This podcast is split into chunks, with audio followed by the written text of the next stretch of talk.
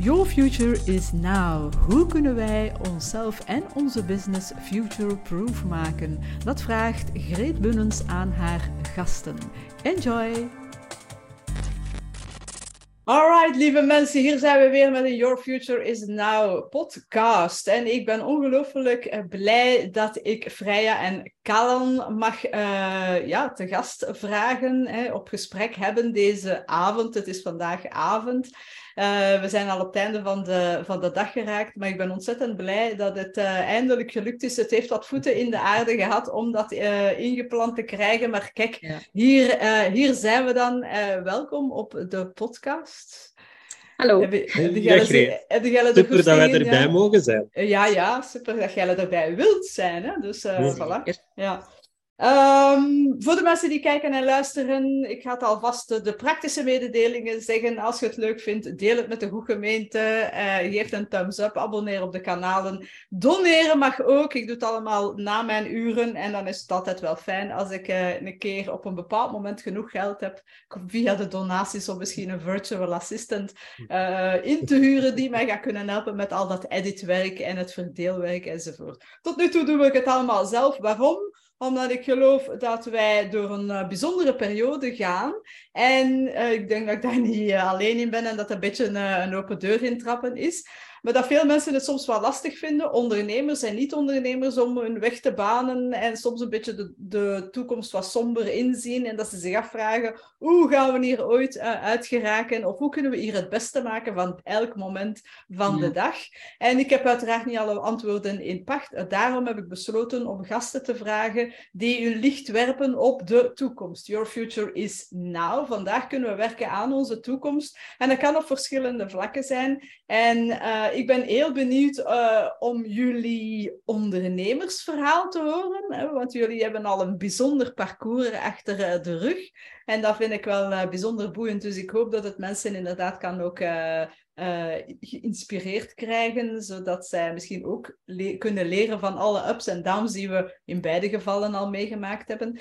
En anderzijds ben ik ook natuurlijk benieuwd naar jullie ja, de magic formule om uh, onze gezondheid in eigen handen te nemen, onder andere dankzij voeding. Dus daar ben ik ook wel erg benieuwd naar. Dus uh, ja, ik zou zeggen, we hebben niks voorbereid. We gaan er gewoon helemaal in vliegen. Zie jullie dat zitten? Ja. Helemaal klaar ervoor. Alright, alright. Naar goede gewoonte, bij de vorige podcast is dat niet gelukt, wat was wel gelukt, maar het geluid was zo slecht dat ik het eruit moeten knippen heb, maar nu zal dat wel hopelijk meevallen.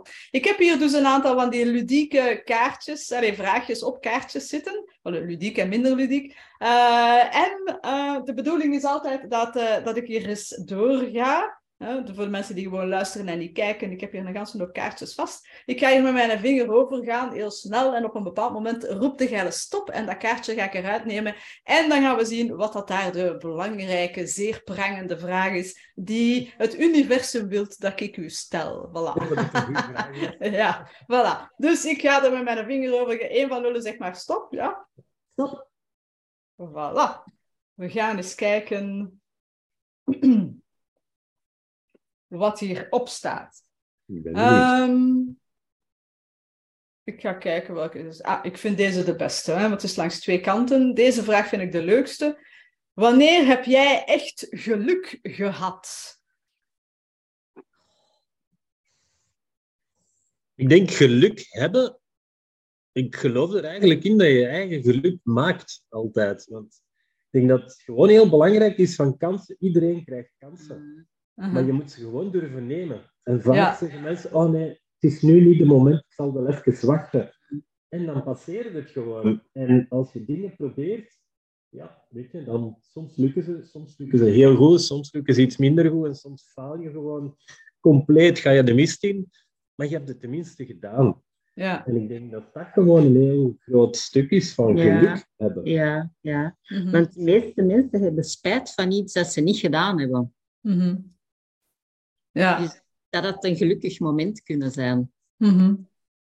Ja, ik zeg ook altijd, en, maar dat heeft al tot menig uh, interessant gesprek geleid.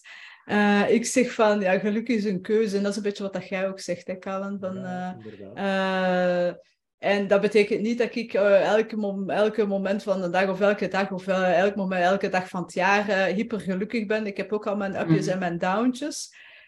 Maar het is wel, denk ik, iets wat dat je voor een stuk in handen hebt. Je kunt in de miserie zitten en je kunt daar dan blijven in hangen.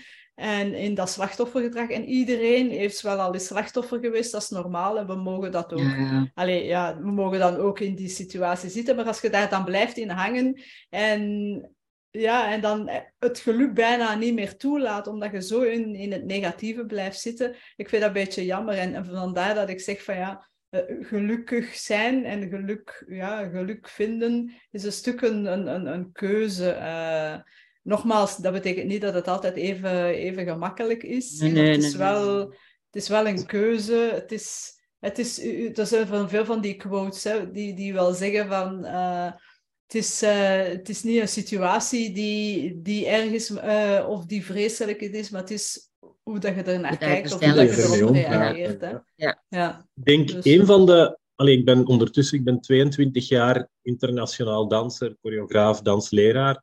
En een van de dingen die ik het meeste gehoord heb van leerlingen, dat is van, oh, jij, ze, jij hebt toch geluk dat jij van je hobby je beroep hebt kunnen maken en dat je doet wat je graag doet. Uh -huh. En dan vraag ik altijd terug van, ja, heb jij ook zo'n hobby of iets dat je graag doet? Ah, ja, ja, ja. Ja, waarom maakt er dan je beroep niet van, ja, dat niet, of dat verdient niet genoeg, of ik durf niet, of het is niet de moment, of van, het zal nooit de moment zijn. Doe het gewoon, spring. En soms ga je veel minder verdienen, maar ga je daarom zeker misschien wel gelukkiger zijn. Ja. ja. Geluk zit in een klein hoekje, maar uh -huh. doe het gewoon. Ja. En daar zit inderdaad ook al direct een heel groot stuk van succes in. Doen. Doen, uh -huh. doen, doen. Mm -hmm. En vroeg of laat kom je wel iets tegen dat ook nog eens lukt. Mm -hmm. Ja, klopt inderdaad. Het is wat dat jij ook zei, Freya, daarnet. Zo van mensen hebben vaak spijt van wat dat ze niet gedaan hebben, meer dan dat ze spijt hebben van de dingen die ze wel gedaan hebben.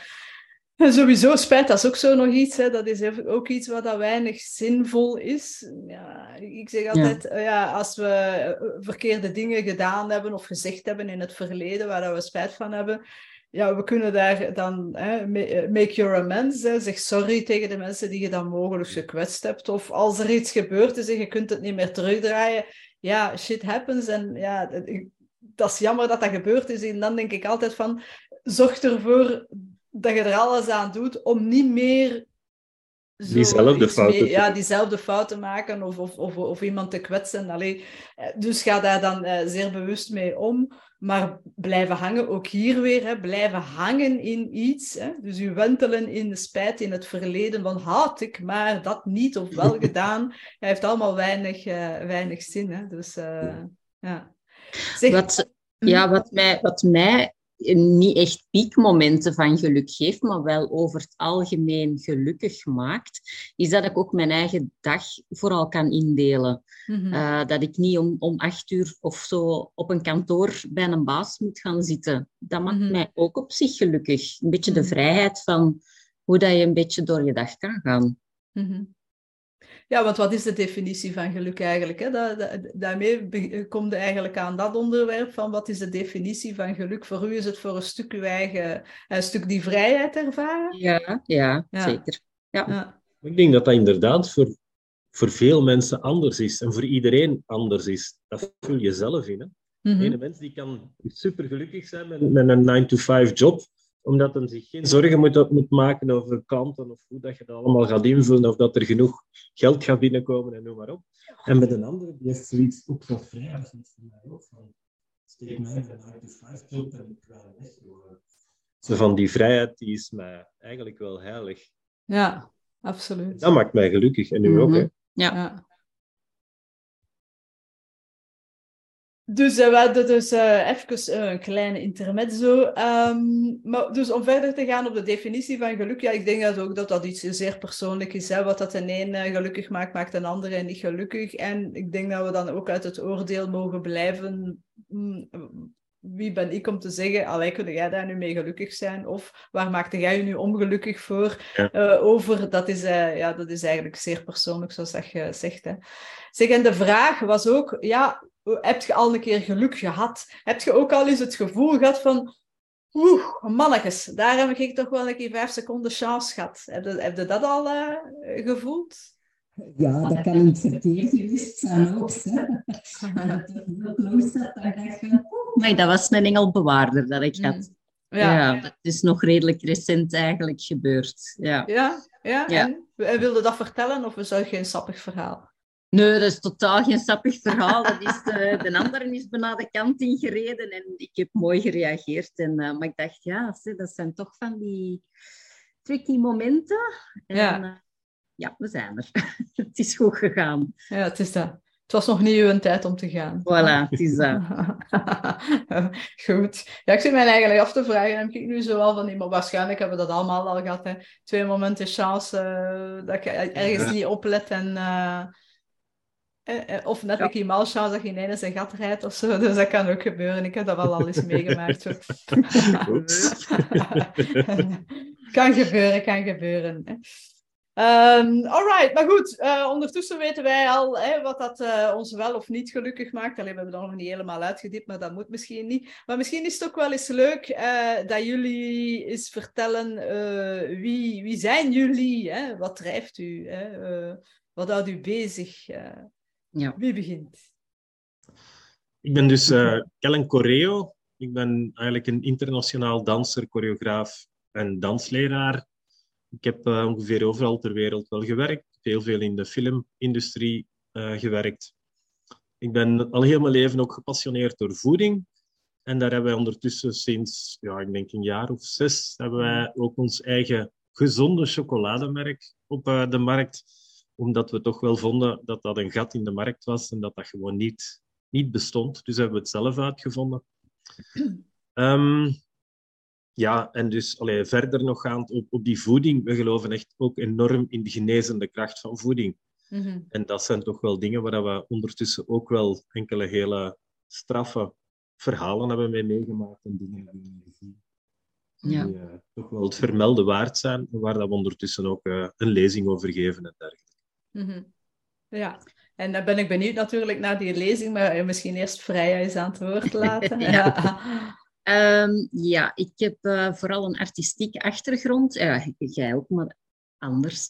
Um, dus uh, ik kom uh, ook... ja, mijn ouders zaten meer in antieke restauratie. Dus daar heb ik ook wel wat in meegekregen. Ik was altijd met mijn handen bezig ook zo. dan lang in opera gewerkt bij kostuums. Dus ik heb heel lang kostuums gemaakt. Doe ik nu nog soms. maar dan extern... Um, ja, ik, ik wil altijd van alles maken. Dus ik, ik, ik ben gewoon bezig met zeer veel creatieve dingen. Uh, voeding was van mijn twintigste ook al heel belangrijk. Uh, dan heb ik daar toch al wel wat stappen in ondernomen. Um, nu zijn wij daar veel verder in gegaan om veel puurder in voeding te gaan en daar dan ook echt de kracht van de zuiverheid uh, te ontdekken en te gebruiken. Dus ja. toch mm -hmm. nog echt verder dan hoe dat we, ja, wat dat ik vroeger eigenlijk deed. En wat is dan een trigger geweest om daar zo eh, gepassioneerd mee bezig te zijn? Ik, uh, ik heb op een moment ik heb, ja, een blessure gehad. Ik had uh, sowieso al een dubbele hernia aan mijn rug, want ja, dansen is topsport ook. En dat is niet altijd even bevorderlijk voor je lichaam.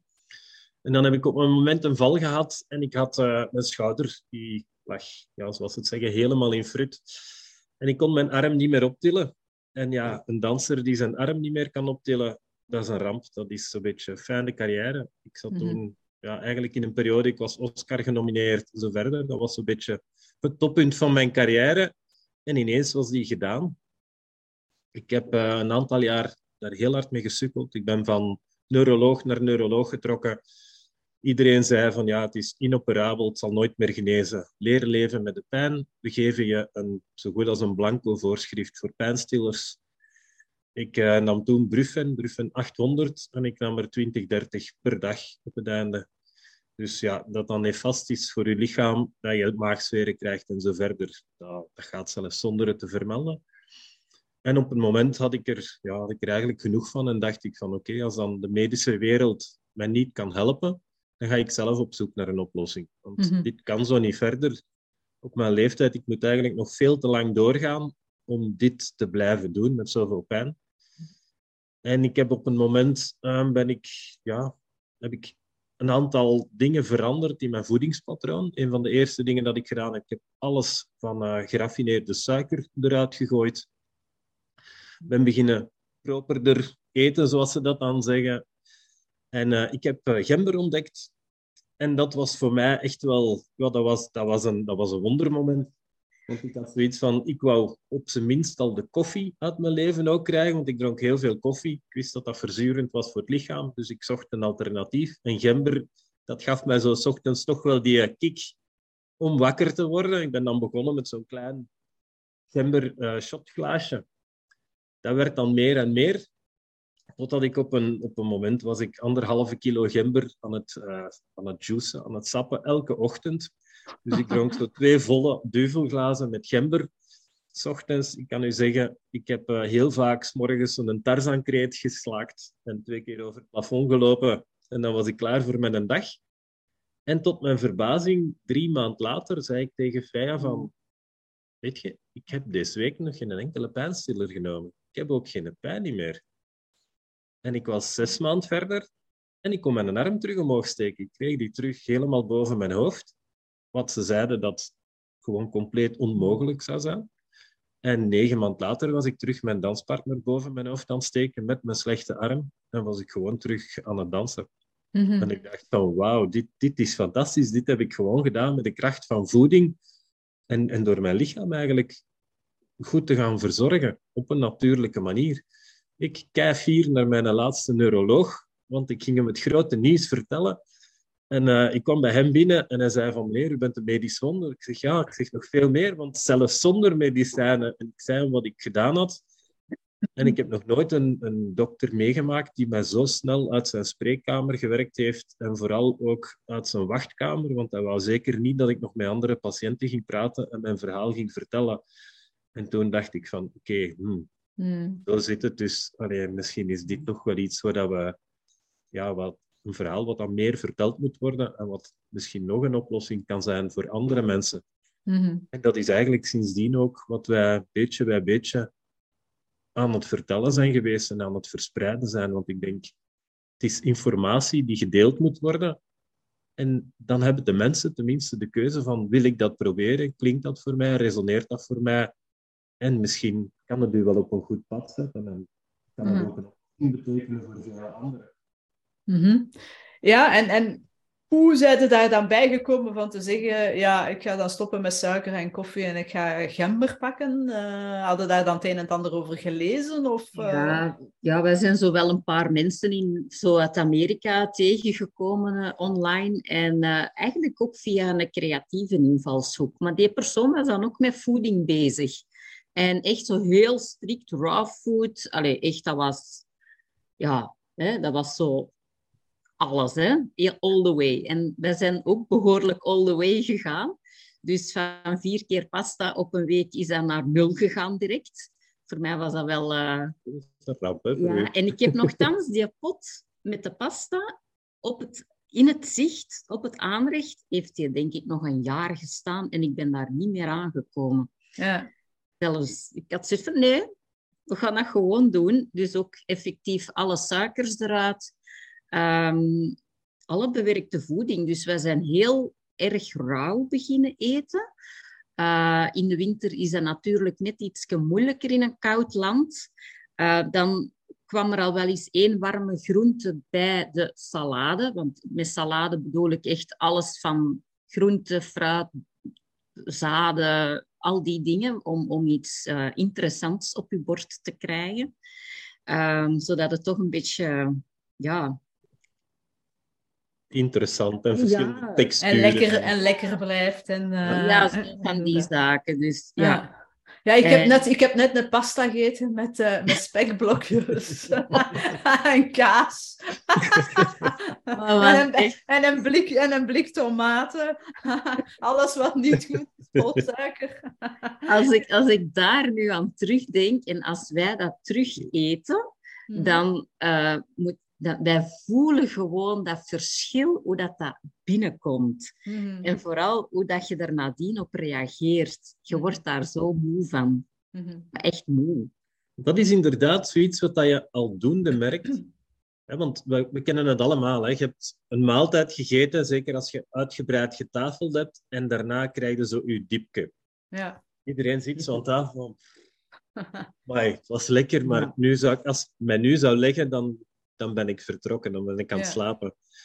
En als je puurder begint te eten zonder bewerkte voeding, dan heb je dat helemaal niet meer. Je hebt geen dit meer. En je blijft gewoon bovenvol energie. Je blijft gewoon gaan, gaan, gaan. En dat is, dat is eigenlijk een heel groot verschil. Vooral als je dat zelf ondervindt en je eet dan eens terug, terug bewerkte voeding of een pasta, hè, zoals dat je zegt, met spekblokjes en kaas en alles erop en eraan. Over.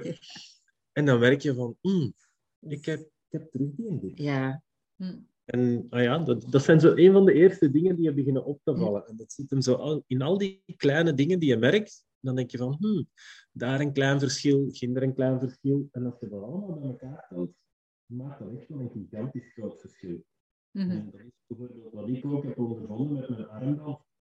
Want dat was, ja, dat, dat was echt wel een gigantisch verschil. Dat was van letterlijk van de rest van mijn leven moeten lijden als ja, eigenlijk een invalide. Ja. Tot, tot eigenlijk terug alles kunnen doen wat, dat ik, wat dat ik maar wou. Mm -hmm. Maar het is wel interessant om dan te denken van hoe, hoe komt het erbij of, of was dat niet de link? Hè? Het is niet van, ah, ik moet hier altijd pijnstillers nemen, ik heb last aan mijn schouder, allee, ik krijg hem niet meer opge, eh, opgehoven. Ja. Uh, dus, dus ik ga koffie uh, en suiker laten staan. Dus die link mis ik ergens of, of is dat eerder een toeval geweest?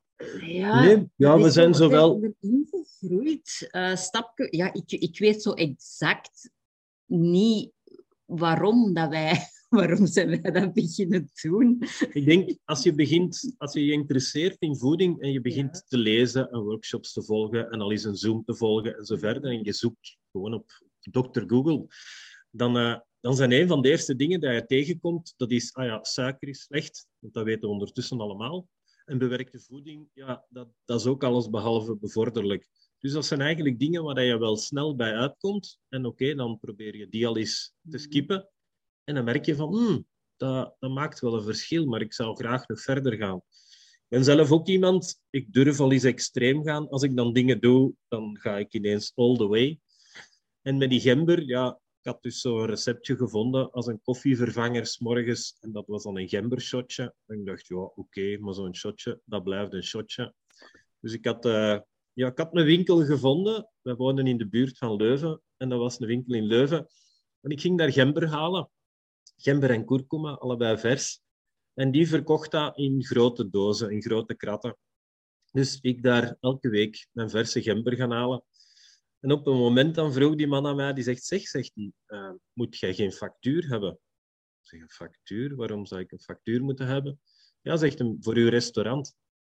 Zeg maar, ik heb helemaal geen restaurant. Ja, zegt hem, nu moet je... Waarom, waarom neemt je dan al die gember elke week? Zeg je, ja, dat is gewoon voor mij.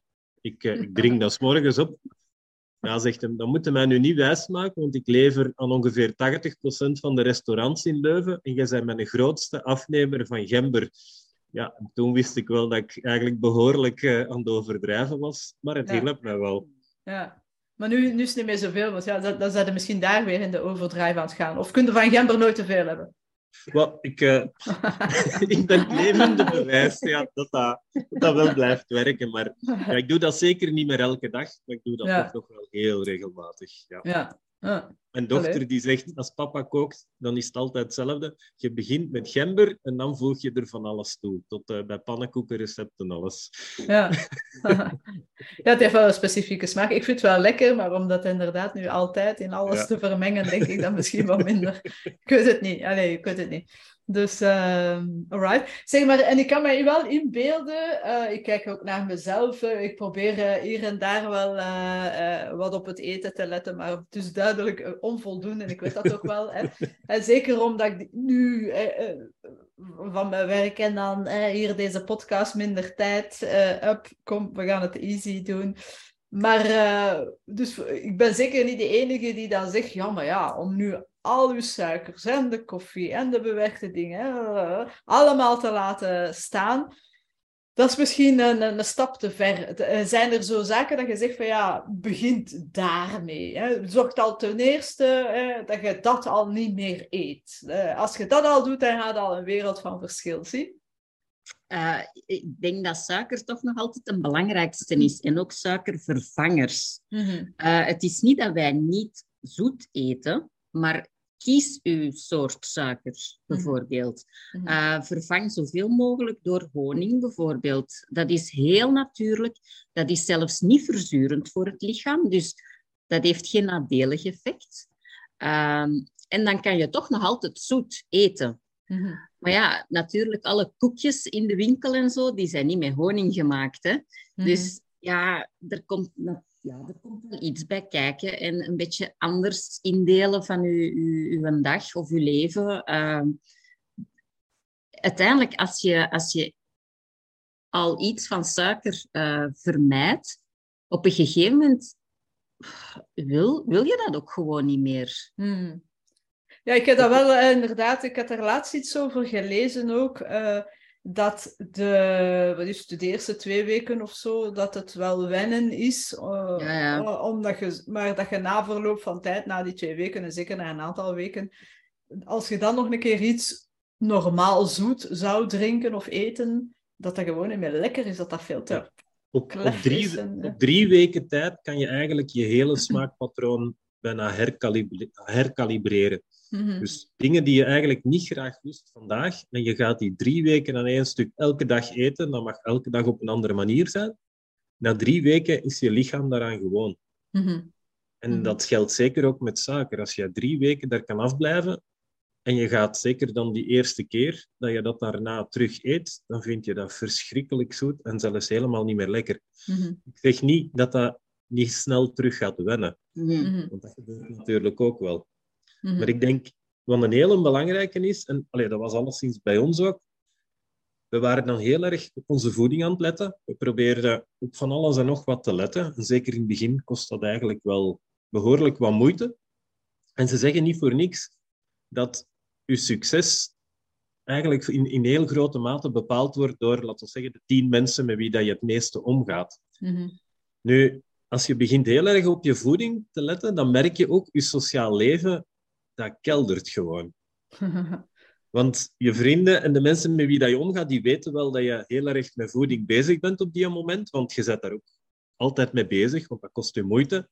En die denken van, oké, die eet geen suiker meer, die eten geen pasta meer, die eten geen bewerkte voeding meer, die hebben vlees laten staan. Als ik die uitnodig, wat moet ik in godsnaam die mensen nog gaan voorzetten? Ik zou niet weten wat ik daar moet verkopen.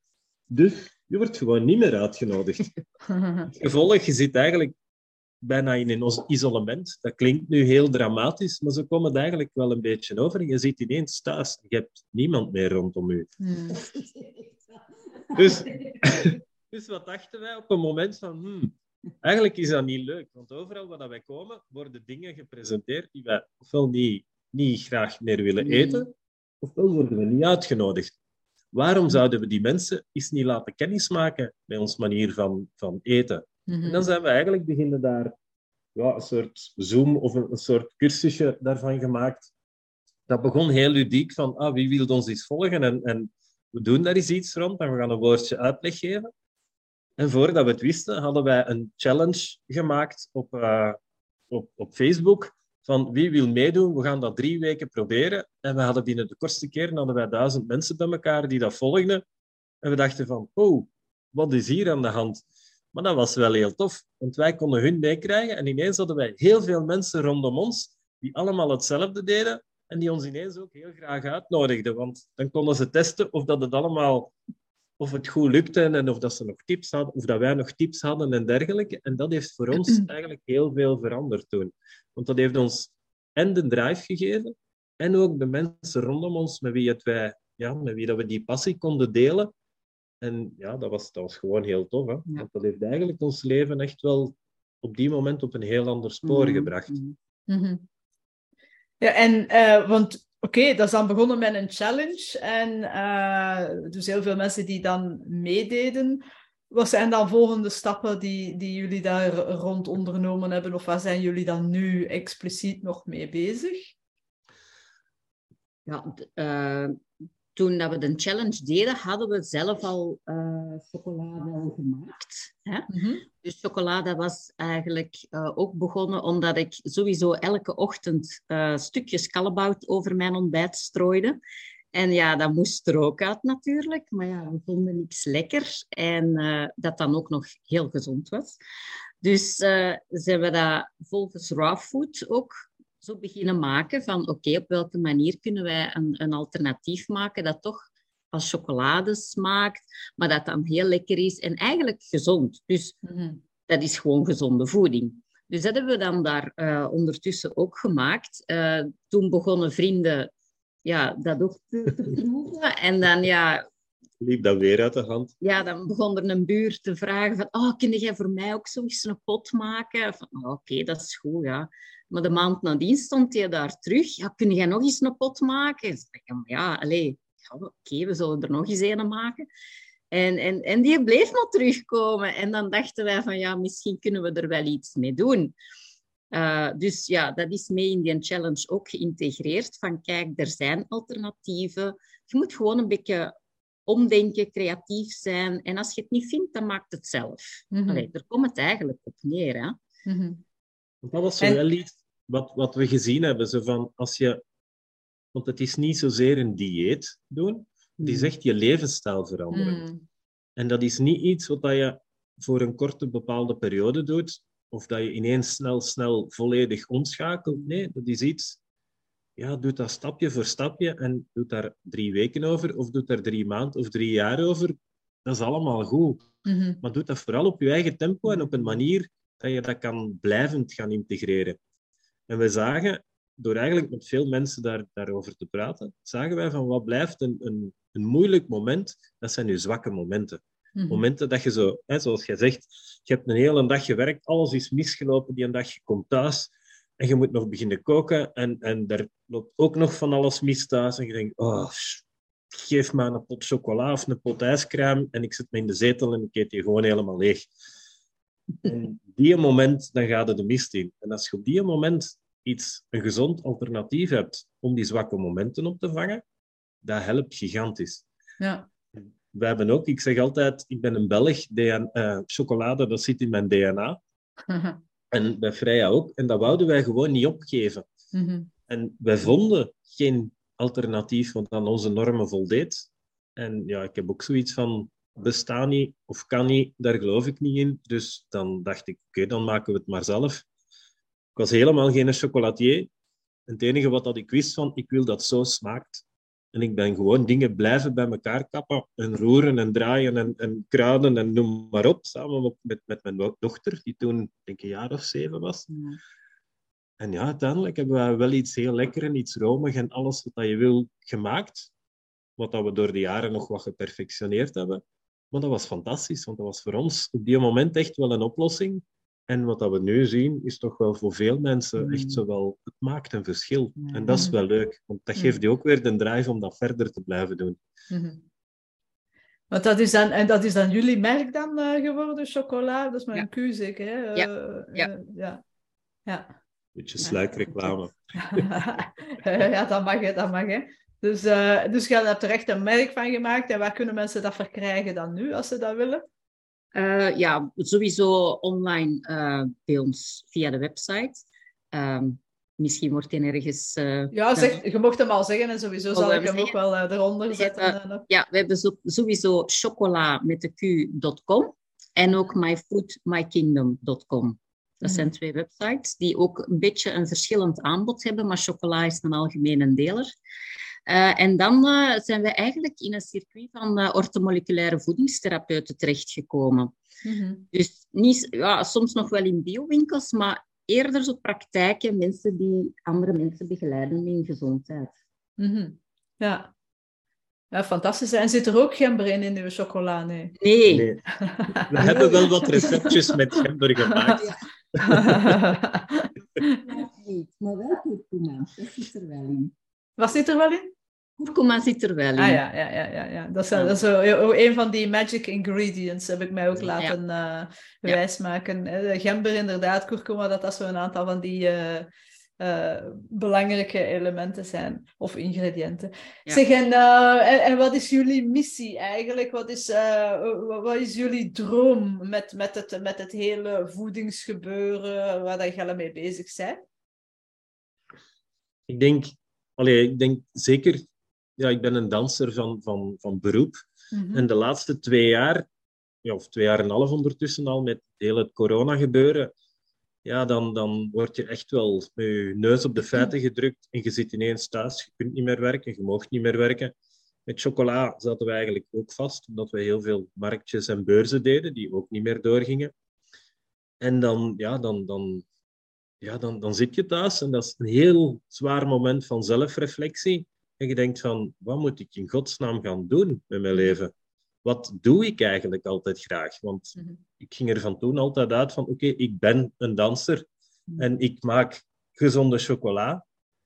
Maar wie ben ik? Of, of wat is eigenlijk mijn missie? En dan heb hmm. ik eigenlijk, ik heb daar allee, wel door een behoorlijke diep gegaan, zeg maar een depressie. En, maar ik ben wel tot de constatatie gekomen, eigenlijk de rode draad in mijn leven is mensen verbinden, is mensen bij elkaar brengen, is mensen aan de babbel krijgen. En dat is, ik deed dat vroeger door door te dansen en door mensen aan het dansen te brengen, bracht ik die samen. En ik zei altijd, dansen is een vorm van communicatie, maar zonder woorden. En eigenlijk deden wij net hetzelfde met chocola ook. Want daar gingen wij ook mensen weer samenbrengen, maar dan op een andere manier. Bijvoorbeeld in de keuken, door thuis zelf je gezonde chocolaatjes te gaan maken. Door die workshops te geven, door die lezingen te geven. En eigenlijk mensen informatie te geven over een gezondere levensstijl of een aanpassing van hun levensstijl. En daardoor vonden mensen weer elkaar en begonnen ze ook weer te praten. En ik dacht van ja, maar dat is het gewoon. Ik moet gewoon mensen meer gaan verbinden. En ik denk dat dat ook wel is wat wij meer en meer ook aan het doen zijn. Want dat blijft echt wel de rode draad tussen alles wat we doen. Of dat het nu op het eerste zicht heel erg uiteenlopend is of niet, dat blijft er altijd wel in zitten. Via welk medium dan ook, als het met creativiteit is of met gezonde voeding, uh, dat sociale blijft er altijd wel in zitten, uh, want inderdaad, chocola is een half afgewerkt product. Dus het is een beetje een do-it-yourself ding dat je thuis verder afwerkt. Dus ja, dat is heel leuk om met het gezin te doen, met kinderen, om die ook erbij te betrekken, om, om ook die bewustwording al mee te geven van kijk, dit is ook lekker, maar dat is dan toch gezond. Ze moeten dat niet weten. Maar gewoon dat ze die smaken wel leren uh, appreciëren ook. En uh, ik merk zelf ook met, de, met uh, de dingen die ook nog verder op mijn pad zijn gekomen, dat ik echt wel meer en meer naar de, naar de basis van de natuur echt terug wil gaan. Alles wat de natuur u geeft, dat, dat is krachtig. Dat, dat voedt u, dat geneest u. Daar, daar, daar, daar, daar allee, dat, dat is niet... De natuur is er voor ons. Hè? Mhm. en, en mensen zijn dat helemaal vergeten. Mm ja, je ziet, je ziet wel inderdaad een, eh, een, een, een, een strekking meer en meer ontstaan, een trend, bij wijze van spreken. Uh, maar dan niet een tijdelijke trend, maar hè, de nieuwe trend is dan uh, terug back to nature. Daar, daar zie je wel uh, en ook het tweede, wat dat je ook ziet en waar dat jullie dan ook duidelijk mee bezig zijn, is, is terug inderdaad verbinden, samenkomen, co-creëren, is in groep mm bij elkaar uh, terug wat lokaler ook voor een stuk. Want jullie hebben ook iets in, of daar zijn jullie toch altijd aanwezig, ik weet nu niet of dat, dat van jullie is, uh, die bijeenkomsten in Aarschot. Is dat ook jullie initiatief? Inderdaad, ja. Helen zit daar vooral mee ja, in. Mm -hmm. Ja. Dus dat is eigenlijk ook weer zoiets. Dat is eigenlijk weer bijvoorbeeld lezingen gaan organiseren over bijvoorbeeld voeding, over alles wat je maar kan, kan bedenken, wat dat mensen interesseert. En ook weer daar, het is niet alleen verbinden om te kunnen leren, bij een lezing bijvoorbeeld, maar het is ook voor veel mensen terug leren om te verbinden. Mhm. Want ik denk, een van de positieve dingen die, die de afgelopen jaren ons wel gebracht hebben. Hoe een rottijd dat het voor sommigen ook geweest is. En ik kan er echt wel van meespreken. Maar we hebben ook nog nooit in zo'n fantastische tijd geleefd waarin het zo gemakkelijk is om te verbinden met andere mensen. Mhm. Want iedereen is op zoek naar contact met andere mensen. Mhm. En dat was, hè, bij wijze van spreken, als je buiten, als dat al mocht, ging, ging ergens zetten en je begon te wenen, er zal altijd wel iemand bij u komen staan hebben van, gaat het en kan ik iets doen of zo verder. Dus ook dat, dat is zo belangrijk. En, en ja, dat kan dus zowel verbinden om te leren als leren om te verbinden zijn. En ja. dat brengt gigantisch veel, veel bij bij de mensen. We hebben, we hebben heel veel mensen uit hun, hun isolement eigenlijk ook wel gehaald en uh, samen met andere mensen in contact gebracht. Uh, al, ja, al een tijd geleden, toen dat we nog maar uh, met tien buiten samen mochten komen of zoiets. Allee, er zijn van alle dingen gebeurd. Uh, maar hoe vaak dat wij dat gehoord hebben van, oh, ik, ik voel mij zo alleen. Mm-hmm. Ja, we hebben, we hebben zoveel dingen dan privé al wel wat uh, gedaan, uh, of bij andere mensen thuis, dat we toch nieuwe mensen mee in een groep hebben gezet om mm-hmm. terug een beetje een thuisgevoel te geven. En uiteindelijk was dat wat we vroeger ook deden. Zowel met dans, dans, als met kookworkshops was ook weer mensen bij elkaar brengen. Je ziet daar overal wel tenminste vriendschappen ontstaan, soms relaties ontstaan, soms komen daar kindjes uit. En dan denk je van, wauw, dat is gewoon fantastisch. Want als je dat lang genoeg doet, dan, ja, dan heb je echt wel allee, honderden en duizenden mensen bij elkaar gebracht. En dat zijn mm. toch wel dingen die, ja, die impact hebben op mensen. Mm Ja, het is wel belangrijk inderdaad, want omdat je het dan uh, hebt over, uh, over de afgelopen tijd, er gezegd van ja, het was een, uh, lastige periode en uh, dat is het zeker en vast uh, geweest voor heel veel mensen. maar wat dat je vaak hebt, is dat je pas iets mis, mist, hè? of dat je pas weet hoe fantastisch iets is als je het niet meer hebt. En dat vond ik ook wel tijdens die, die, die, die corona-periode. Onder andere een van de dingen die we gemerkt hebben, is oei, hè, vrijheid van oei, we mogen niet meer buiten komen en we moeten geïsoleerd zitten. En ja, voor de ene was het al minder erg dan de andere. Het was nog mooi weer dat eerste jaar en we hebben nog een mooie tuin. Dat viel wel zeer goed mee. Maar voor mensen die ergens op een appartementje uh, met, een, met een mm. groot gezin uh, zaten, was dat wel net wat minder, minder aangenaam. En door, allee, door daar met de, met de neus op de feiten gedrukt te worden, ja, zij, ja, word je eigenlijk pas echt bewust van hoe belangrijk dat soms ook de kleine dingen, terwijl dat die heel groot zijn, uh, zijn. Hè? Dus vrijheid, inderdaad, mogen buiten komen, mogen op een bankje in, de, in het park gaan zitten, mogen met vrienden samenkomen en een dikke knuffel geven. Uh, hè? Dus dat zijn een aantal dingen, dat hadden al ons vijf jaar geleden gezegd, van ja, je mag niet meer knuffelen, of je mag niet buiten komen, of je mag niet op een bankje zitten.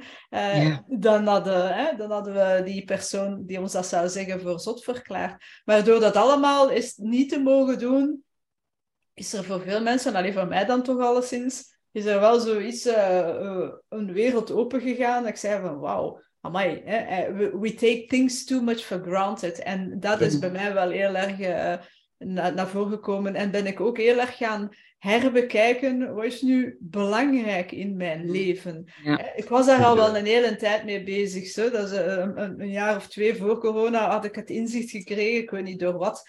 Uh, maar dat ik dacht van... Ik, ik vond dat, dat, dat, ik te veel in een consumptiemaatschappij uh, begon te leven. Ik, ik, benoemde dat zo niet. En dat, als ik dat nu zo zeg, dan lijkt dat nog altijd geitenwolle sokachtig zo. En dat mag dan zo zijn. Uh, maar wat ik wel inderdaad ben gaan inzien is, ja, wat is er nu eigenlijk belangrijk in mijn leven? En heel vaak zijn dat niet de, de dure, de, die, ja. inderdaad, die dure reisjes of een schone auto of weet ik veel wat.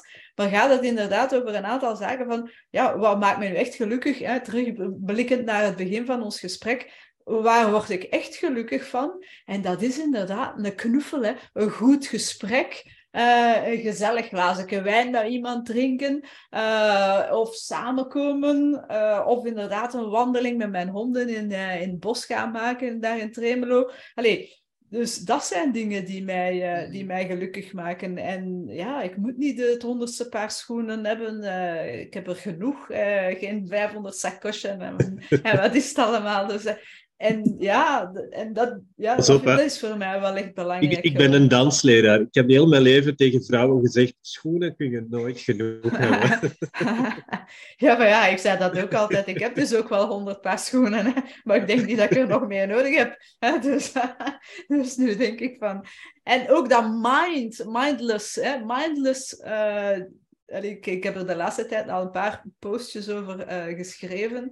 Ja, dat we zonder erbij nadenken, wat eten we? Af, kom, hè, we hebben geen tijd, zoals we zeggen. Hè, ja. Dus uh, ja, kom een pak spaghetti inzwieren en uh, vlug wat spekjes bakken. Boef, het is, het is in orde. Uh, maar dus wat eet je, wat drinkt je, wat zegt je, wat koopt je, wat doet je? Al die dingen daar veel meer uh, bewust rond zijn. Ja, het, is, het is letterlijk, hè, het is die mindfulness. Hè? Het is gewoon bewust worden van alles. Ja, inderdaad. Hè, en, dat, en dat is het inderdaad. En wij, wij, wij, heel veel mensen uh, leven in een, uh, ergens in een, in een rush en rennen en rennen en rennen. En. Ja, ja automatisch. Automatische piloot, niet meer nadenken. Mm. Ah, we gaan met de vriendinnen gaan shoppen uh, in knokken. Ah, tof, tof, tof. ik, je koopt maar wat. Ik heb eigenlijk zwarte schoenen nodig. Ja, nee. Maar ja, ik heb zwarte schoenen nodig. Ik ga zwarte schoenen kopen. je, koopt dan met, je komt dan met drie paar schoenen thuis, geen enkel zwarte. Allee, zit je zo... Dat is zo... typische, typische ja, en dan heb je geen uh, kleedje om daarbij te doen. Dan moet je ja, ja, dan moet ik dat ook wel. Of die sacoche, ja, die moet dat dan ook bij passen. dus, allee, en, en gewoon daar niet meer bij nadenken. Terwijl nu ben ik daar toch veel meer mee bezig. En ik kan dat ook wel aanraken en raden aan de mensen. En ik denk dat dat voor een stuk is waar dat jullie dan ook mee bezig zijn.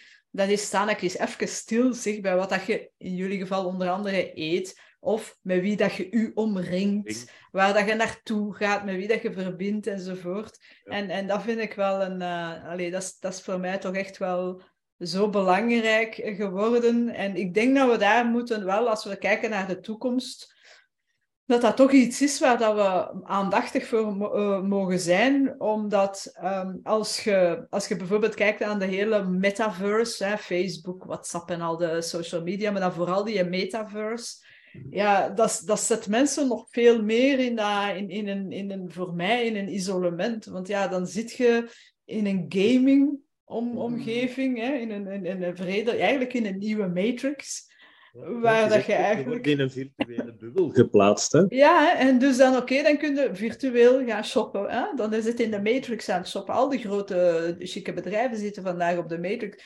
Eh, in die Matrix, op die uh, metaverse. Waar dat je dus, ja, je kunt dus naar een concert van Justin Bieber gaan zien als, als iemand dat zou willen. En, uh, je, zou, uh, en je kunt daar dan een, uh, een Louis Vuitton zakjes kopen. Je kunt daar land kopen hè, en heel veel geld aan uitgeven in de metaverse. Maar je zit uiteindelijk weer in een hele fictieve, wereld, virtuele wereld.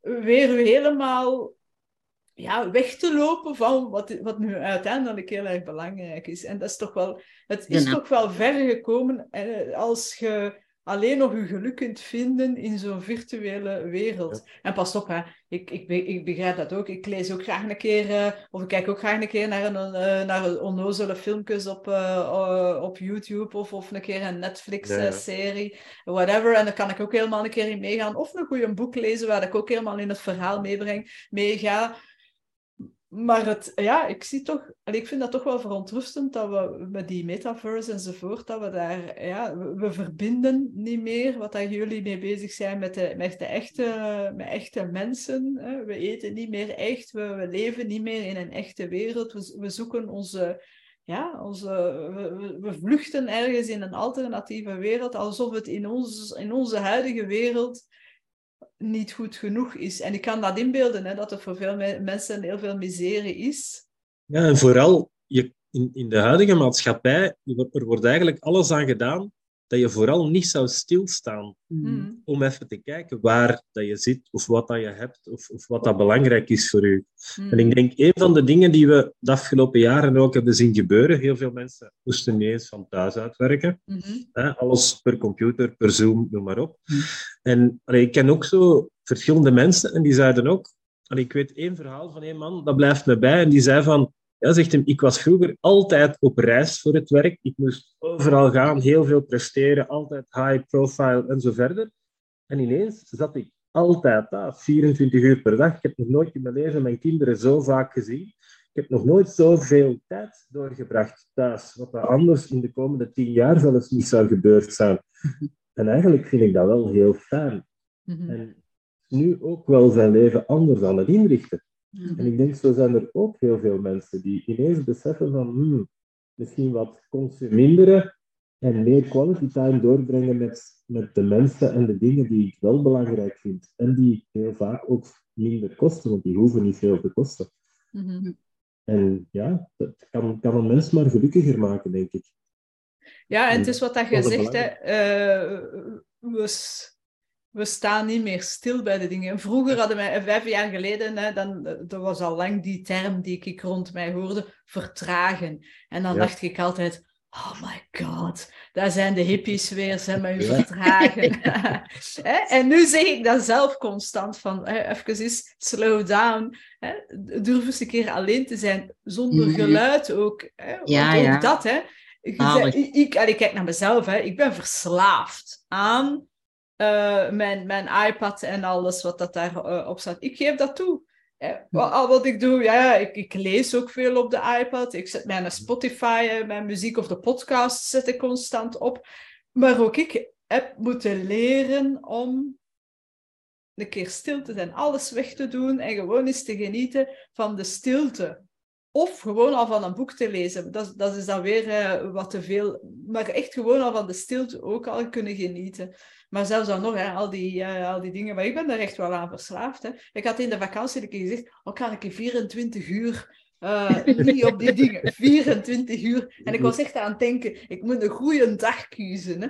Dan dag dat ik op vakantie ben, hè, dat we van alles te doen hebben. Ja, dat ik niet moest werken, want het is heel veel eh, virtueel bij mij. Hè, dus dat, op de- hè, dat we gaan wandelen met de honden ergens hè, in de Provence. En dat we zeker, eh, zeker niet dat gaan missen. Hè, 24 uur was ik blij na die 24 uur. Oeh, ik mag nog een keer gaan kijken. Dus dat is wel erg, erg, erg gesteld Ja. met mezelf. Ik weet dat wel. Hè, dus, Maar ook, ook daar weer, hè, dat is ook zoiets. Ik, ik heb zo'n aantal jaren deed ik vak- eh, tango-vakanties. Mhm. Ergens in Frankrijk, ook boven de top van een berg. En daar was geen ontvangst. Geen Hmm. telefoonontvangst en geen, geen, geen wifi of, of internet. En dat was een verschrikking, want de mensen die aankwamen, dat waren erbij. Die waren in alle staten, ook zoals jij, van help, wat moet ik nu doen in de wereld? Ik kan vergaan, ik ga het niet weten. En, en help. En dat was zo, we zeiden altijd voor de lachen van, en wij willen nu graag van iedereen de autosleutels krijgen, en je krijgt die pas op het einde van de week terug.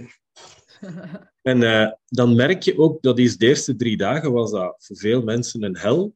En die vierde dag, dan, allee, tijd, tegen het einde van de week, die telefoon lag daar en daar werd zelfs niet naar omgekeken. En vaak kregen wij zo nog de meeste complimentjes van, van die tango-vakantie, waar wij dan veel moeite in staken om, om leuke passen en tango en dansen en noem maar op. En dan zeiden ze van, ja, wat echt wel ons bijblijft, is dat we leren hebben genieten van dingen zonder telefoon. En ik dacht, Mhm. ja, waarom moeten wij in godsnaam al die moeite doen? Want we nu gewoon kunnen opsluiten zonder telefoon. Maar ja, dat is toch wel... Allee, blijft iets voor heel veel mensen. Ja. En weer daar ook die verbinding. Zelf, Verbinden met ja, elkaar, ja. meer praten terug met elkaar, meer kijken, meer niets doen. Mhm, mhm. Zelf vind ik het zalig om eh, zonder internet en alles te zitten. En ik heb nog een goed adresje voor jou. Ik heb nog een huisje in Spanje en daar is ook geen internet. bij, bij jullie? Ja. ja, ja. In mijn huisje in de Provence is wel internet. Ik kan het aanzetten. hè, Dus, maar- eh, dus voor de Ja. mensen die nog twijfelen, waar wil ik op vakantie gaan, bent je wel op geen internet. dus eh, we hebben het een en het ander in de aanbieding. Ja. Eh, ja, nee, allee, ja, ik weet, ik, ik, ik, eh, ik, allee, belangrijk is, hè, zelfkennis is het begin van alle wijsheid. Het is al een bewustwording van uw, uw, uw fout gedrag en we kunnen maar inderdaad alert zijn. En, en ik weet inderdaad, ik durf al toe te geven, hè, ik ga naar de AA, bij wijze van spreken, maar dan, het? de anonieme, hè, de, wat is dat, de verslaafde eh, digitale... Anonieme, ja. Internet dus, is. eh, ja. dus ik ga al toegeven, ja, oké, ik ben eraan verslaafd. Zo, dus, eh, maar goed, eh, ik, ik kan mij wel inbeelden dat ik eh, gemakkelijk wel zou... Allee, dat het niet zoveel moeite zou kosten. Om, eh, maar dat is ook omdat mijn nieuwsgierigheid...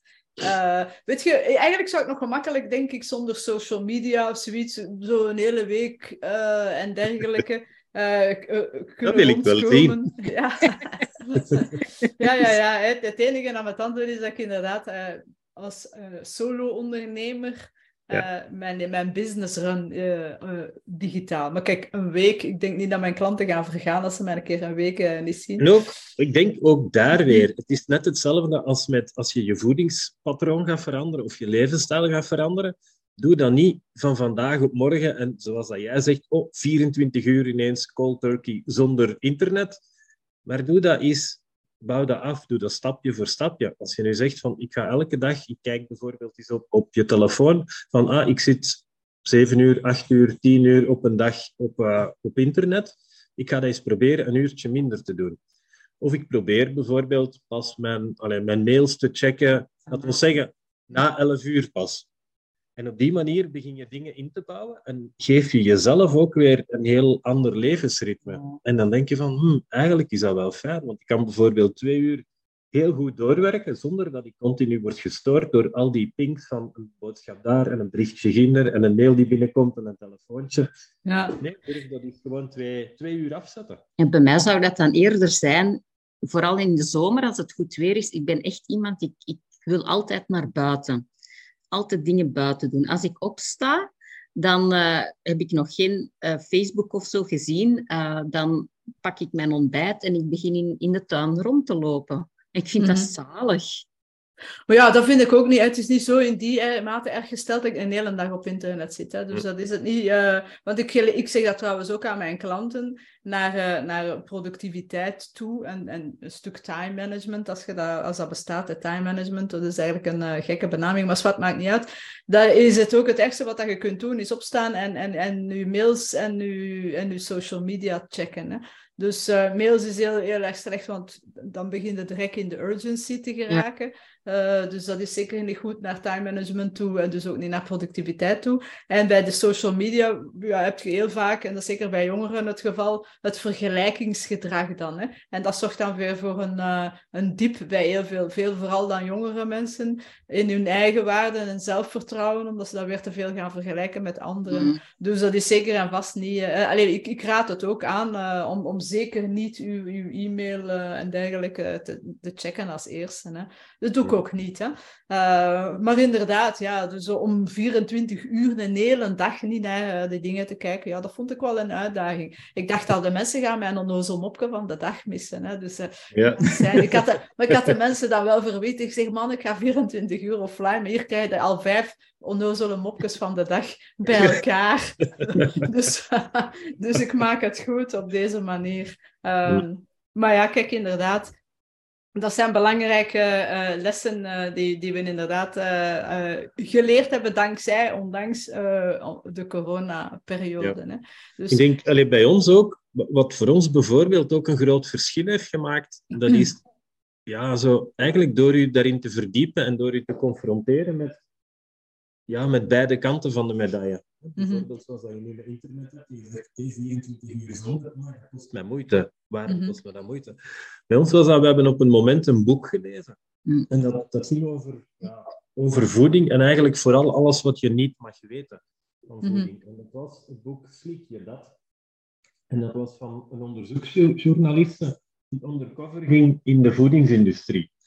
En die ging naar een ingrediëntenbeurs. Dus geen voedingsbeurs, maar een ingrediëntenbeurs. En die schrijft in haar boek eigenlijk alles wat ze daar heeft geleerd en wat haar gechoqueerd heeft tot in tips van haar ziel, van wat dat er eigenlijk allemaal ja, gesjoemeld wordt mm. met voeding, wat er allemaal in zit, hoe schadelijk dat het is en dat er eigenlijk vooral wordt gekeken naar bijvoorbeeld naar dingen als shelf life, hoe kunnen we dat gaan verlengen, naar dingen van... Clean label. Clean label. Hoe kunnen we zo weinig mogelijk dingen op een etiket zetten wat de consument niet graag gaat zien? Of het zo natuurlijk mogelijk overbrengen. En hoe kunnen we, als je bijvoorbeeld smaakjes hebt, hoe kunnen we die natuurlijk laten klinken door met andere namen te gaan geven?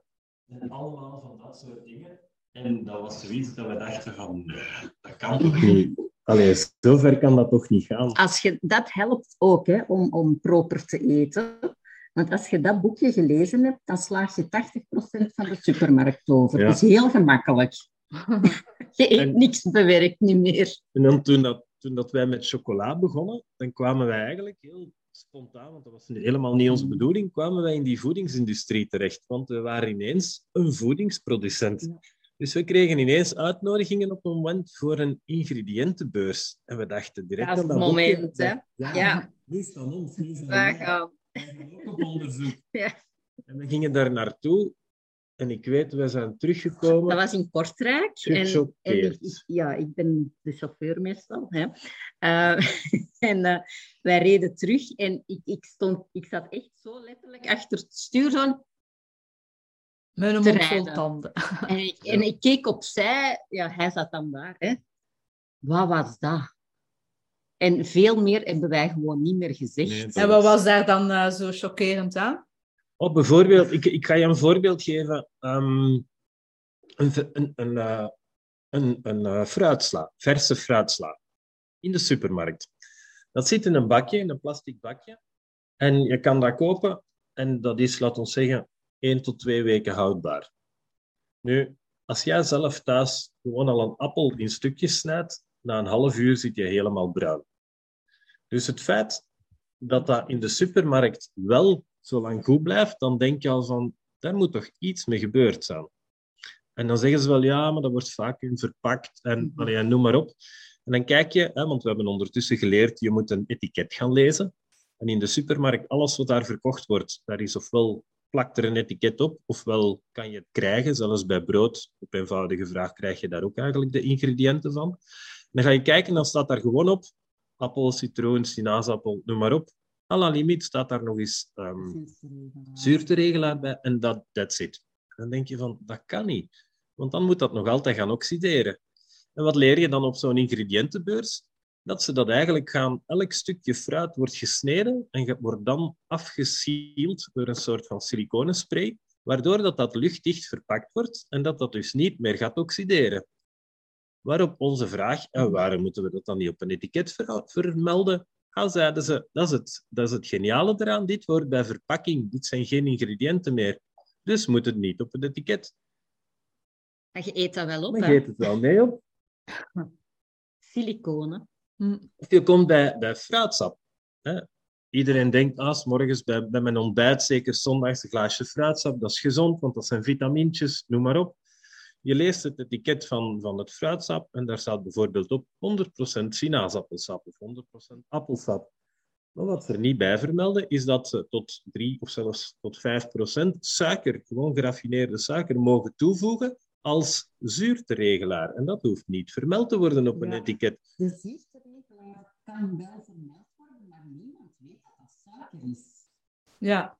Dat, dat regelt gewoon de zuurte van uw fruitsap. Dus dat maakt dat zoeter. Mm Het is gewoon een ander woord.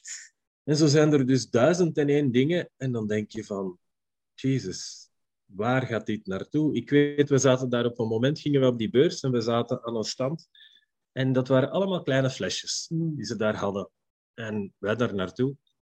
En okay, we zagen daar van alles op staan. We vroegen, ah, wat, wat doen jullie? Ah ja, wij, wij verkopen uh, alcoholaroma's oké, alcoholaroma's. En ja, zegt die man, ehm, wat drinkt u graag? drinkt u graag een whisky, een cognac? Zeg, ja, eigenlijk een goede whisky, dat, dat lust ik al wel eens. Dan zegt hij, en welke whisky drinkt u graag? Een Irish whisky, een Schotse whisky, een Amerikaanse. Oh, oké, okay, Schotse. Ah, met turf of zonder turf. hoe oud, gerijpt, noem maar op. Dus hij begon zo'n hele hoop vragen te stellen. En bij elk antwoord dat ik gaf, nam hij een flesje uit zijn collectie en goot hij een paar druppels bij in, bij, in een glas met, uh, met alcohol. En na twee, drie minuten was dat glas klaar. En uh, tot de kleur toe, ik heb alles mogen kiezen. En hij zei hier, hè, proef maar eens. Dus ik heel erg een klein stokje daarvan genomen. En effectief, je proefde al die dingen van een whisky met turf, gerijpt, gerookt. Allee, alles erop en eraan. Uh, 20 jaar gerijpt op eikenhouten vaten. Je proefde daar elk van die lagen in. Dat ik zei van, en oké, als je dit kan, wat is dan het verschil? Waarom zou je dan nog een echte whisky gaan maken die je effectief 20 jaar op die vaten laat rijpen en zo verder? En je zegt, ja, dat ga je morgen weten, want de kop aan dat je ervan krijgt is een heel groot verschil. Ik drink dit niet, zei hij zelf. En dan besef je, jongens, wij worden zo in het bootje genomen in de winkel. Worden gewoon belogen en bedrogen. En zo zijn er dus duizend en één dingen. Ondertussen hebben wij echt wel toegang gehad daartoe. En die verhalen dat je dan hoort, en dan kom je echt in contact met fabrikanten. En dan hoor je nog veel meer die inside-informatie, wat dat er gaande is. En dan mhm. denk je van, man, dit is zo verschrikkelijk. Ja, het is ook, uh, het is ook in, uh, wat Gelle zei, met, was dat niet met olijven dat jullie ook bezig waren uh, een paar weken geleden? Ja. ja. oh, allee, ik zag ook Jacobine met haar olijven bezig.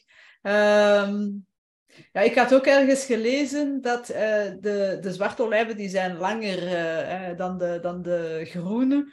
En dat ze daar ook maar ergens iets mee doen met die olijven, omdat die dan rapper zouden dan zwart worden, of donker worden, of rijp worden. Of, uh...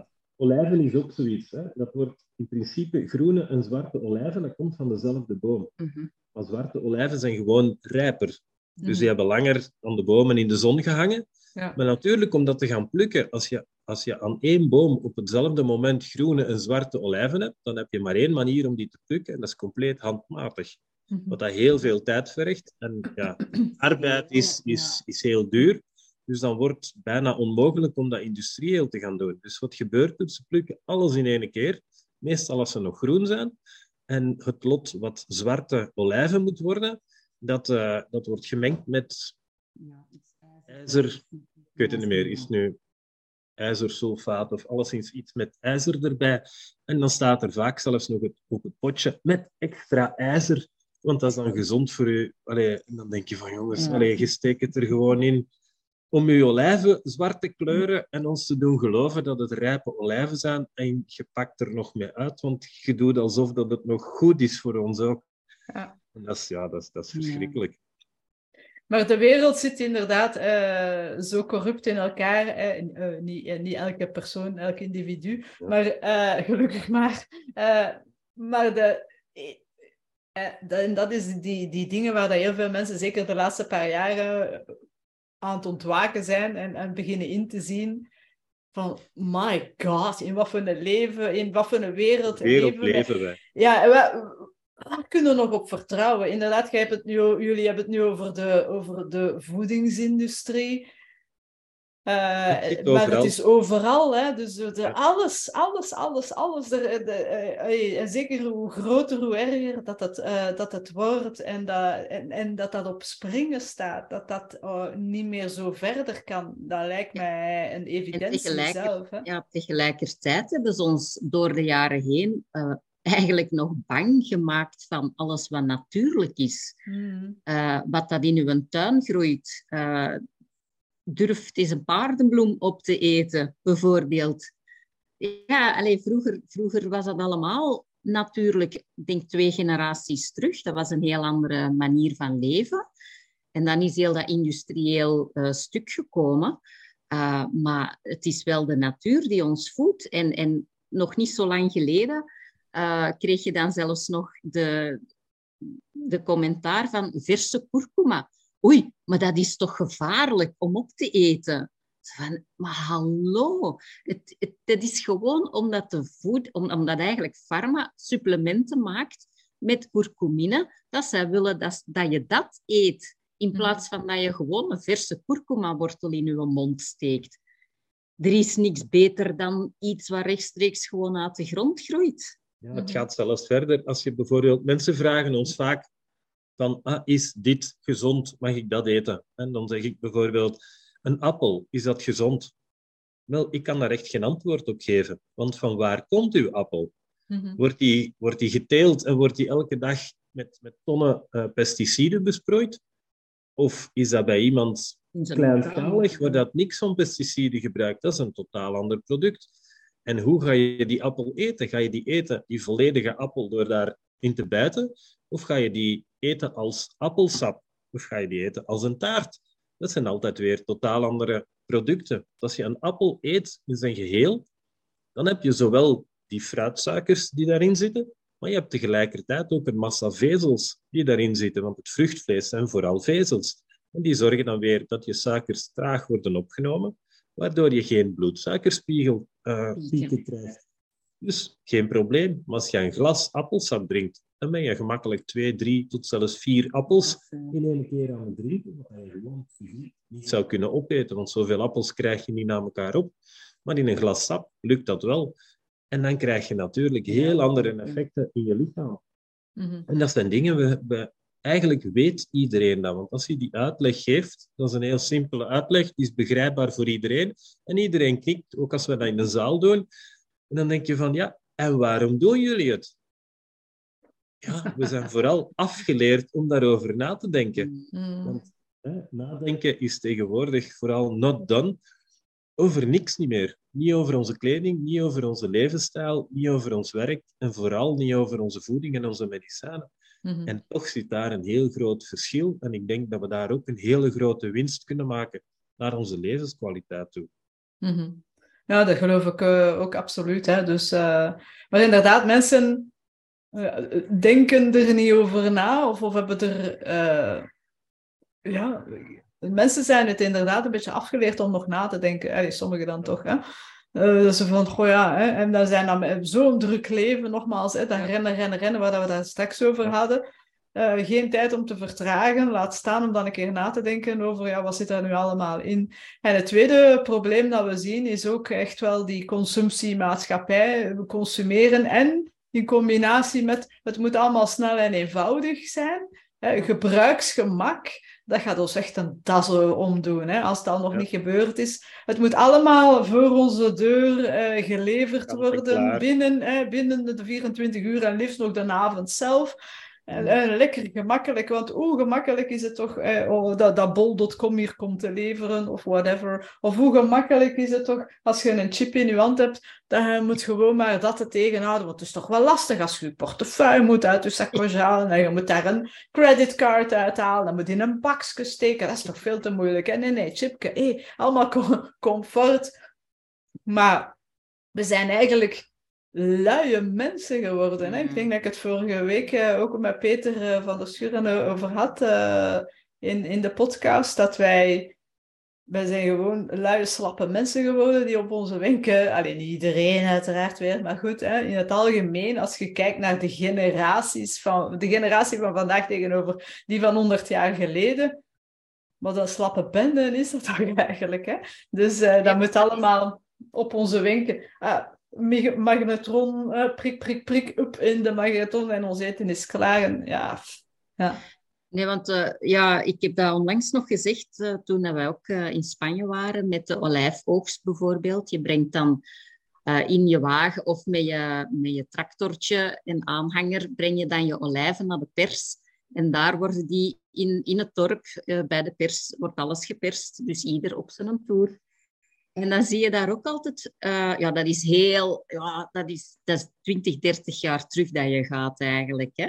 Uh, dan zie je daar heel vaak uh, oude mannen met hun tractortje komen en ja, die, die helpen elkaar en zo. Maar die, die genieten daar gewoon ja, van. Ze lopen nog niet met een stok, hè? maar ze, ze, ze zijn zo niet echt vlot te been. Maar als je dan ziet wat voor arbeid dat die eigenlijk op hun 70 jaar nog altijd verzetten, dat zijn allemaal bergen, die boompjes, alles plukken en, en nog voor buren erbij. En bij de deel gaan we ook nog helpen. Die zijn elke dag bezig. Die zijn tenminste nog echt bezig. Die hebben conditie. Daar kunnen wij een ja, dat is het, hè zalig. En eigenlijk voel je daar ook gewoon veel beter, want je hebt, ja, die, die, je, je, het is niet dat ik zeg, je bent iets nuttig aan het doen, maar je bent echt gewoon terug iets aards aan het doen. Waar je effectief ook voldoening van ja, krijgt. dat is gewoon simpel. Allee, dat is zo niet te gecompliceerd, maar het heeft wel... Resultaat ook, hè? Het brengt ook iets bij voor je... Voor, voor uw leven, uw welzijn en zo. Gecreëerd eigenlijk iets, als het ware. Hè? Dus ja. Uh, ja. ja, ik vind dat ook. En ik denk dat dat een belangrijke les is voor uh, wat, waar ik toch alleszins heel veel mee bezig ben. Uh, maar veel meer mensen rondom mij ook. En jullie zijn er ook al een hele tijd mee bezig. En meer en meer eh, ook hier weer en weer dat de bewustwording een stuk ja, vertragen, reflecteren. Wat willen mm. we nu eigenlijk nog doen? Moeten we zo alles op ons wenken bediend worden? Moet dat er allemaal onmiddellijk staan? Moet dat allemaal zo gemakkelijk zijn? Moet dat allemaal geen arbeid kosten enzovoort? Ik denk het niet. Hè? Dus uh, ja, en, en ook inderdaad zo, wat ik ook wel leuk vind uh, als wij in de Provence dan zijn. Dat is ook zo'n klein dorpje zo de kinderen spelen daar nog buiten, hè? Met, met hun fietsje rijden en, en, en, voetballen en weet ik veel wat. Daar wordt daar precies uh, veel minder gegamed. Uiteraard hebben die ook een game, wat is het, een Playstation enzovoort. Hè? Maar toch mhm. veel meer buiten. En ook, ja, mensen zijn ook buiten. Het is, uh, we zijn daar, uh, gebabbeld daar gemakkelijker tegen de mensen. Je zegt tegen iedereen goeiedag, hè? Ja, dus uh, ja, dat is daar bij ons zo. Ja? Terwijl dat hier toch veel minder is, of, of, als we eens aan de zee zijn of zo, dat is er allemaal veel minder. En daar is dat plotseling uh, ja, veel, veel gezelliger ook. Hè? En dan mm -hmm. is er zo een burenfeest en oh, ja. ik weet niet hoe, hoe plezant. Dus ook zo meer dat community gevoel. Hè? Ja. ja. Zo alles wat je doet en, en de contacten die je hebt, het is allemaal zo tastbaar. Het is echt... Ja. Het is niet van, ah, het is vluchtig en ik heb virtueel dag gedaan en ben gaan ja.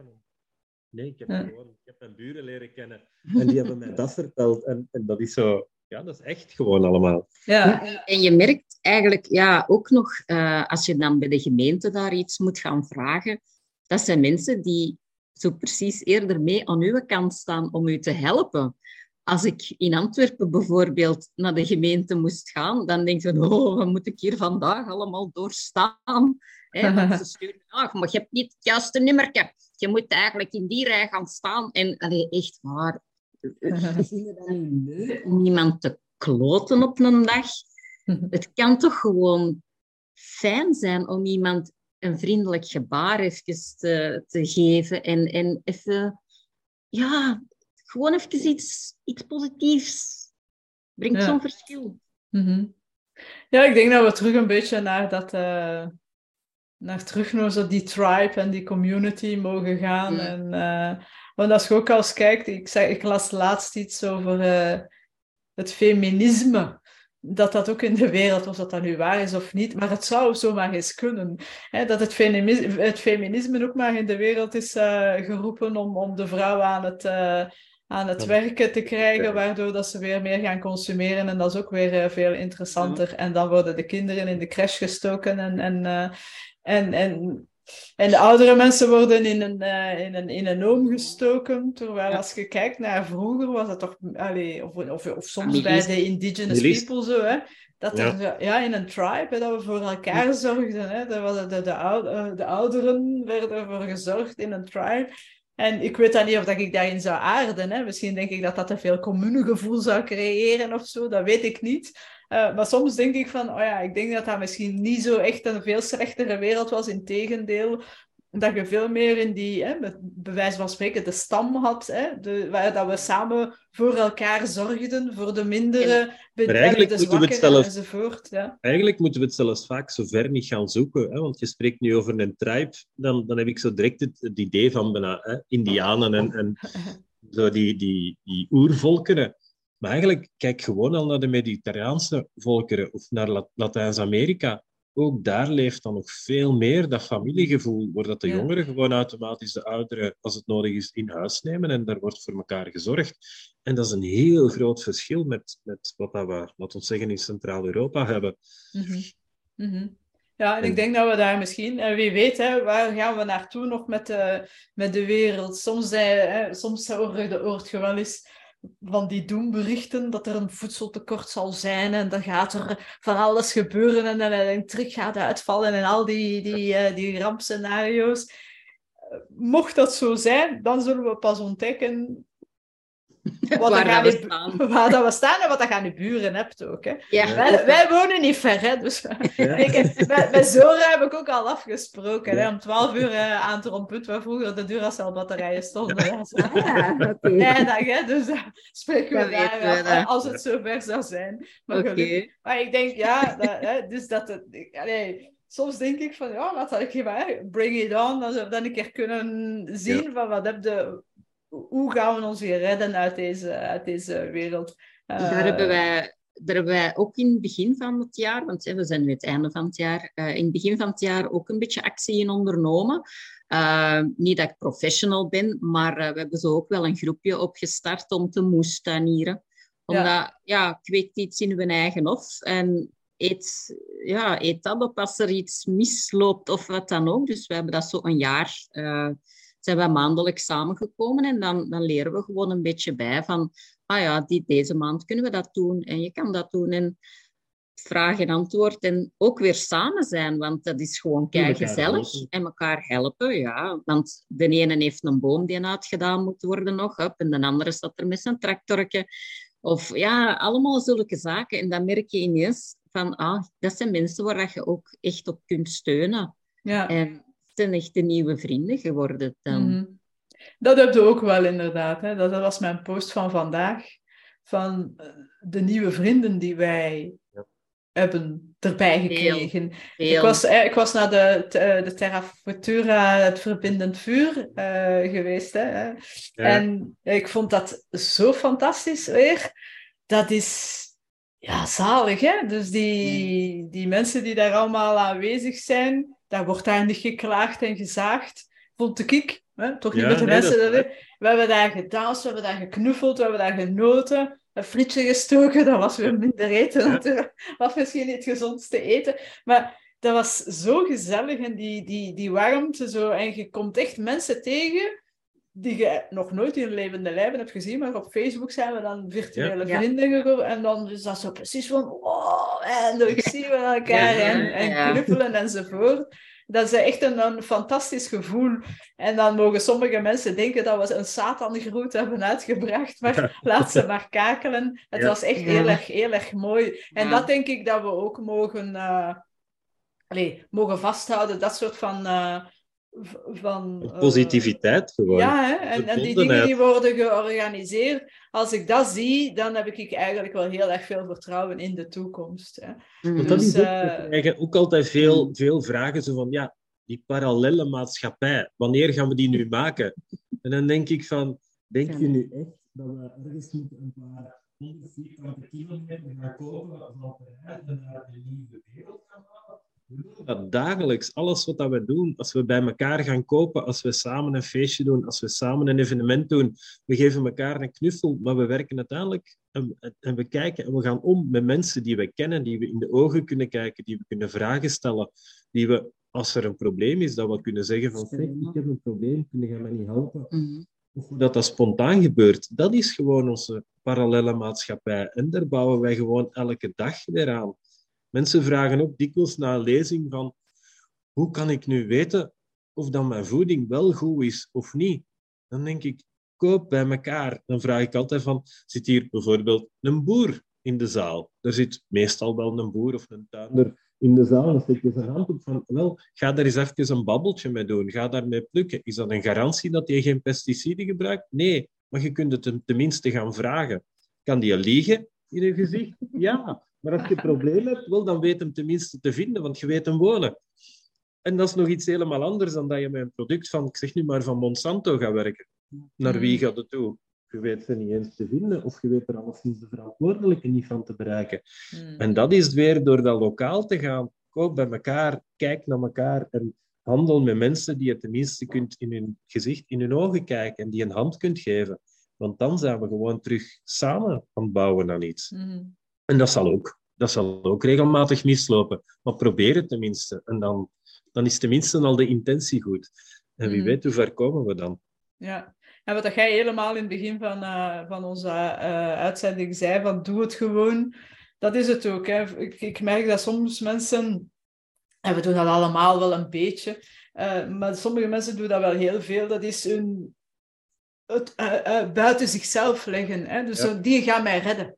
Of die is de schuldige. Hè? Dus, eh, maar ja, ga zelf in actie. Hoe, ah, wanneer gaan ze een parallele maatschappij hè, beginnen? Zo, ja, ja, begin zelf met een aantal dingen te doen. Whatever je ook mocht doen. wilde jij inderdaad... Uh, weet ik veel, onafhankelijk water uh, hebben, hè? dus niet meer van, van de watermaatschappij. Ja. Wel ja, ga op onderzoek, hè. Dus de groepjes, hè.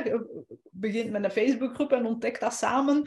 Ja. Je koopt een boek. Allee, dat is niet onmogelijk. Mm. Als je dat echt wilt, als je echt iets wilt, ja, zet dan je eerste stap. En als je niet die eerste stap zet, wat houdt u tegen? En durft in de spiegel mhm. te staan. En ik zeg niet dat we dat allemaal moeten doen, hè. Fine. Maar ik denk ook wel dat dat een beetje een ziekte is van ook de, de afgelopen tijd. Dat mensen last hebben met, met, uh, met, met verantwoordelijkheid te nemen. Mm. Ja. En dat gaat ook het, echt het verschil maken naar, uh, naar de toekomst toe, inderdaad.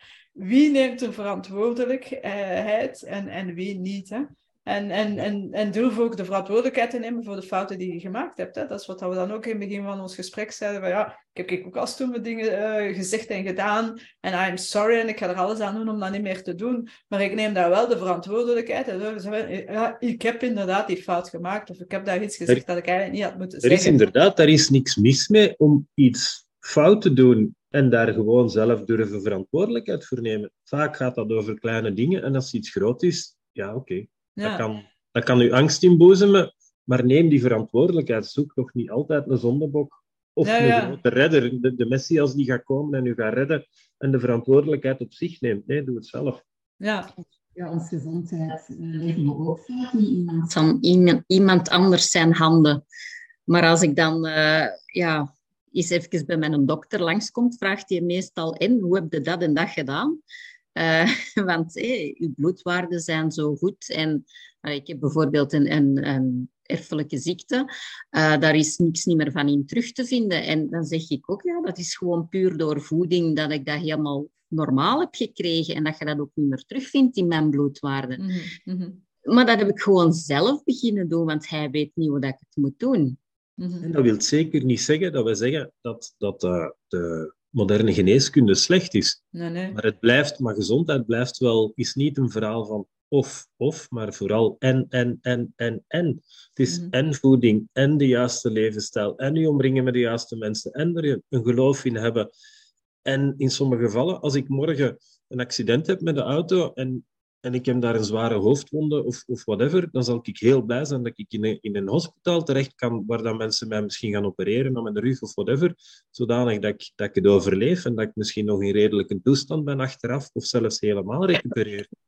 Want ik ga op die moment zeker niet, niet ridicuul zijn en zeggen nee, ik moet dat niet hebben, ik zal mij wel redden met een kurkuma-wortel. op die moment weet ik ook van nee, alles heeft zijn plaats en zijn moment. En ja zelf ook durven de verantwoordelijkheid te nemen van, ja, van zelf keuzes te maken. Mhm. ja. En leren voelen terug. Ja, ja, ook dat, hè, ook inderdaad. En durven, maar dat is ook een stuk die verantwoordelijkheid nemen. Hè? Want als jij daar straks bezig waart over, als mensen vragen, ah ja, is dat nu, is dat nu, wat is nu een goede voeding enzovoort.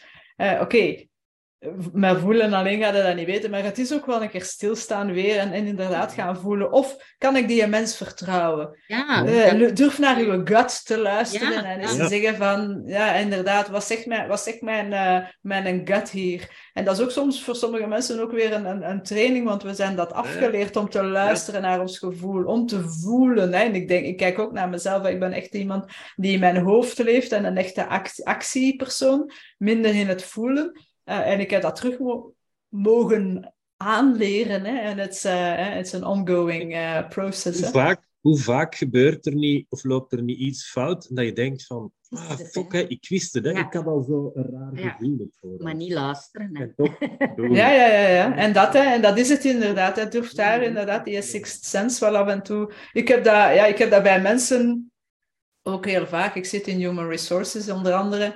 Uh, recruitment. Dus ik, ik al, al in mijn professionele leven uh, geef ik trainingen en recruteer ik mensen of ben ik ja, in, in, in, dat wereldje. Op de duur kende wel altijd een en het ander van mensen natuurlijk. Hè. Ben ik altijd juist? Nee, maar ik heb wel heel erg durven luisteren naar mijn, mijn, mijn intuïtie als ik kandidaten zie. Kan er nog een keer naast zijn, hè, maar als, als ik echt een negatief gevoel heb en ergens op iets niet vertrouw, als ik zo zeg van ja, dit gaat niet worden. Hè? Niet dat daarom de slechte mensen zijn, maar ik voel van, dit gaat niet kloppen in, in deze omgeving, in dit bedrijf of zo.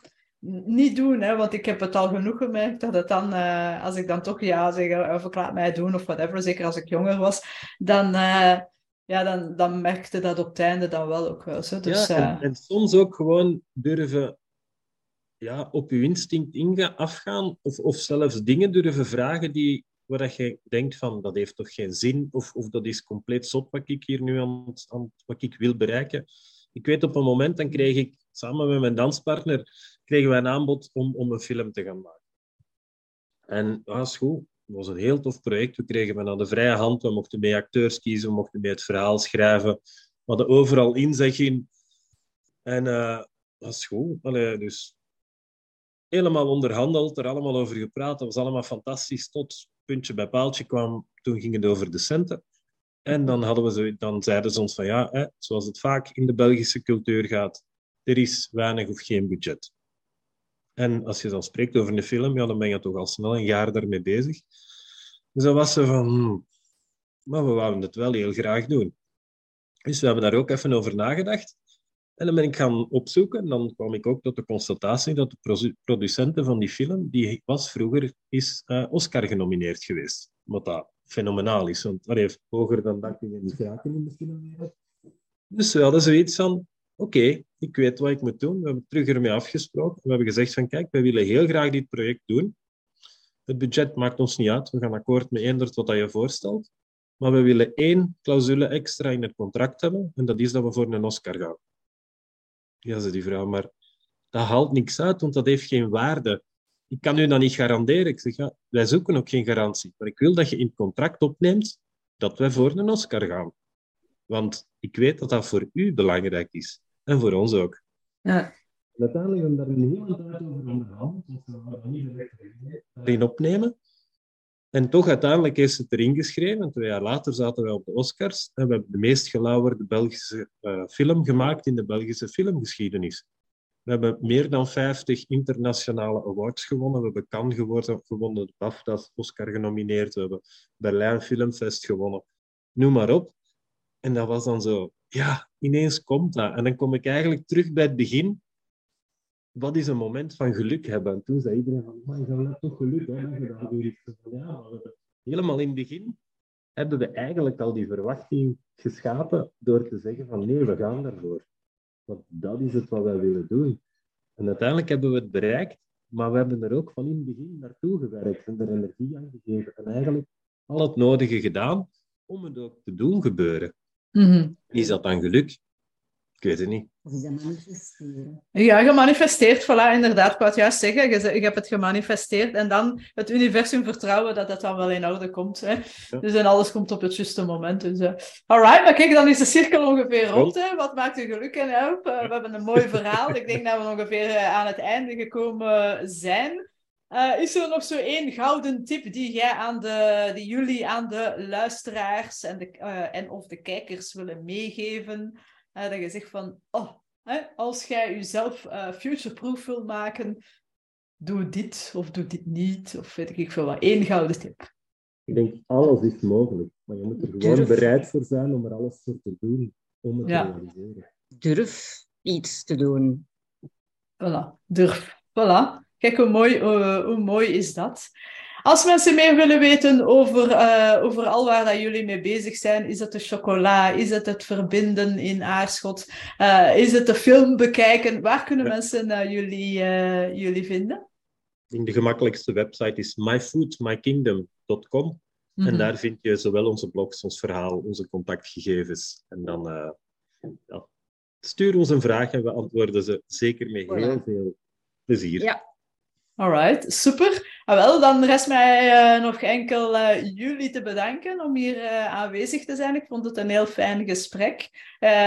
dat verrast mij ook niet. Ik had dat wel gedacht, maar ik ben wel blij van het gesprek. Nu ken ik jullie ook al wat beter. Ik kan u kennen ja. ik al een beetje, maar Freya, u eigenlijk nog niet echt. Dus bij deze, ik vond het super aangenaam om jou ook wat te leren kennen. Ja. Uh, en al de dingen die jullie uh, ondernemen, ik vind het uh, fantastisch. Ik ben blij dat jullie mijn, mijn gast waren hier op de Your Future is Now podcast. Hebben de mensen die gekeken of geluisterd hebben, vonden jullie het goed? Deel met de mensen, uh, geef een thumbs up, abonneer op de kanalen en doneren is ook altijd gewenst. Dikke merci en tot volgende keer. Bye bye. Super tof dat je meedeed. Vergeet niet naar mijn website te gaan, greetbunnens.be. Daar vind je heel veel gratis artikels, video's, audio's, lots of fun stuff. Bedankt daar.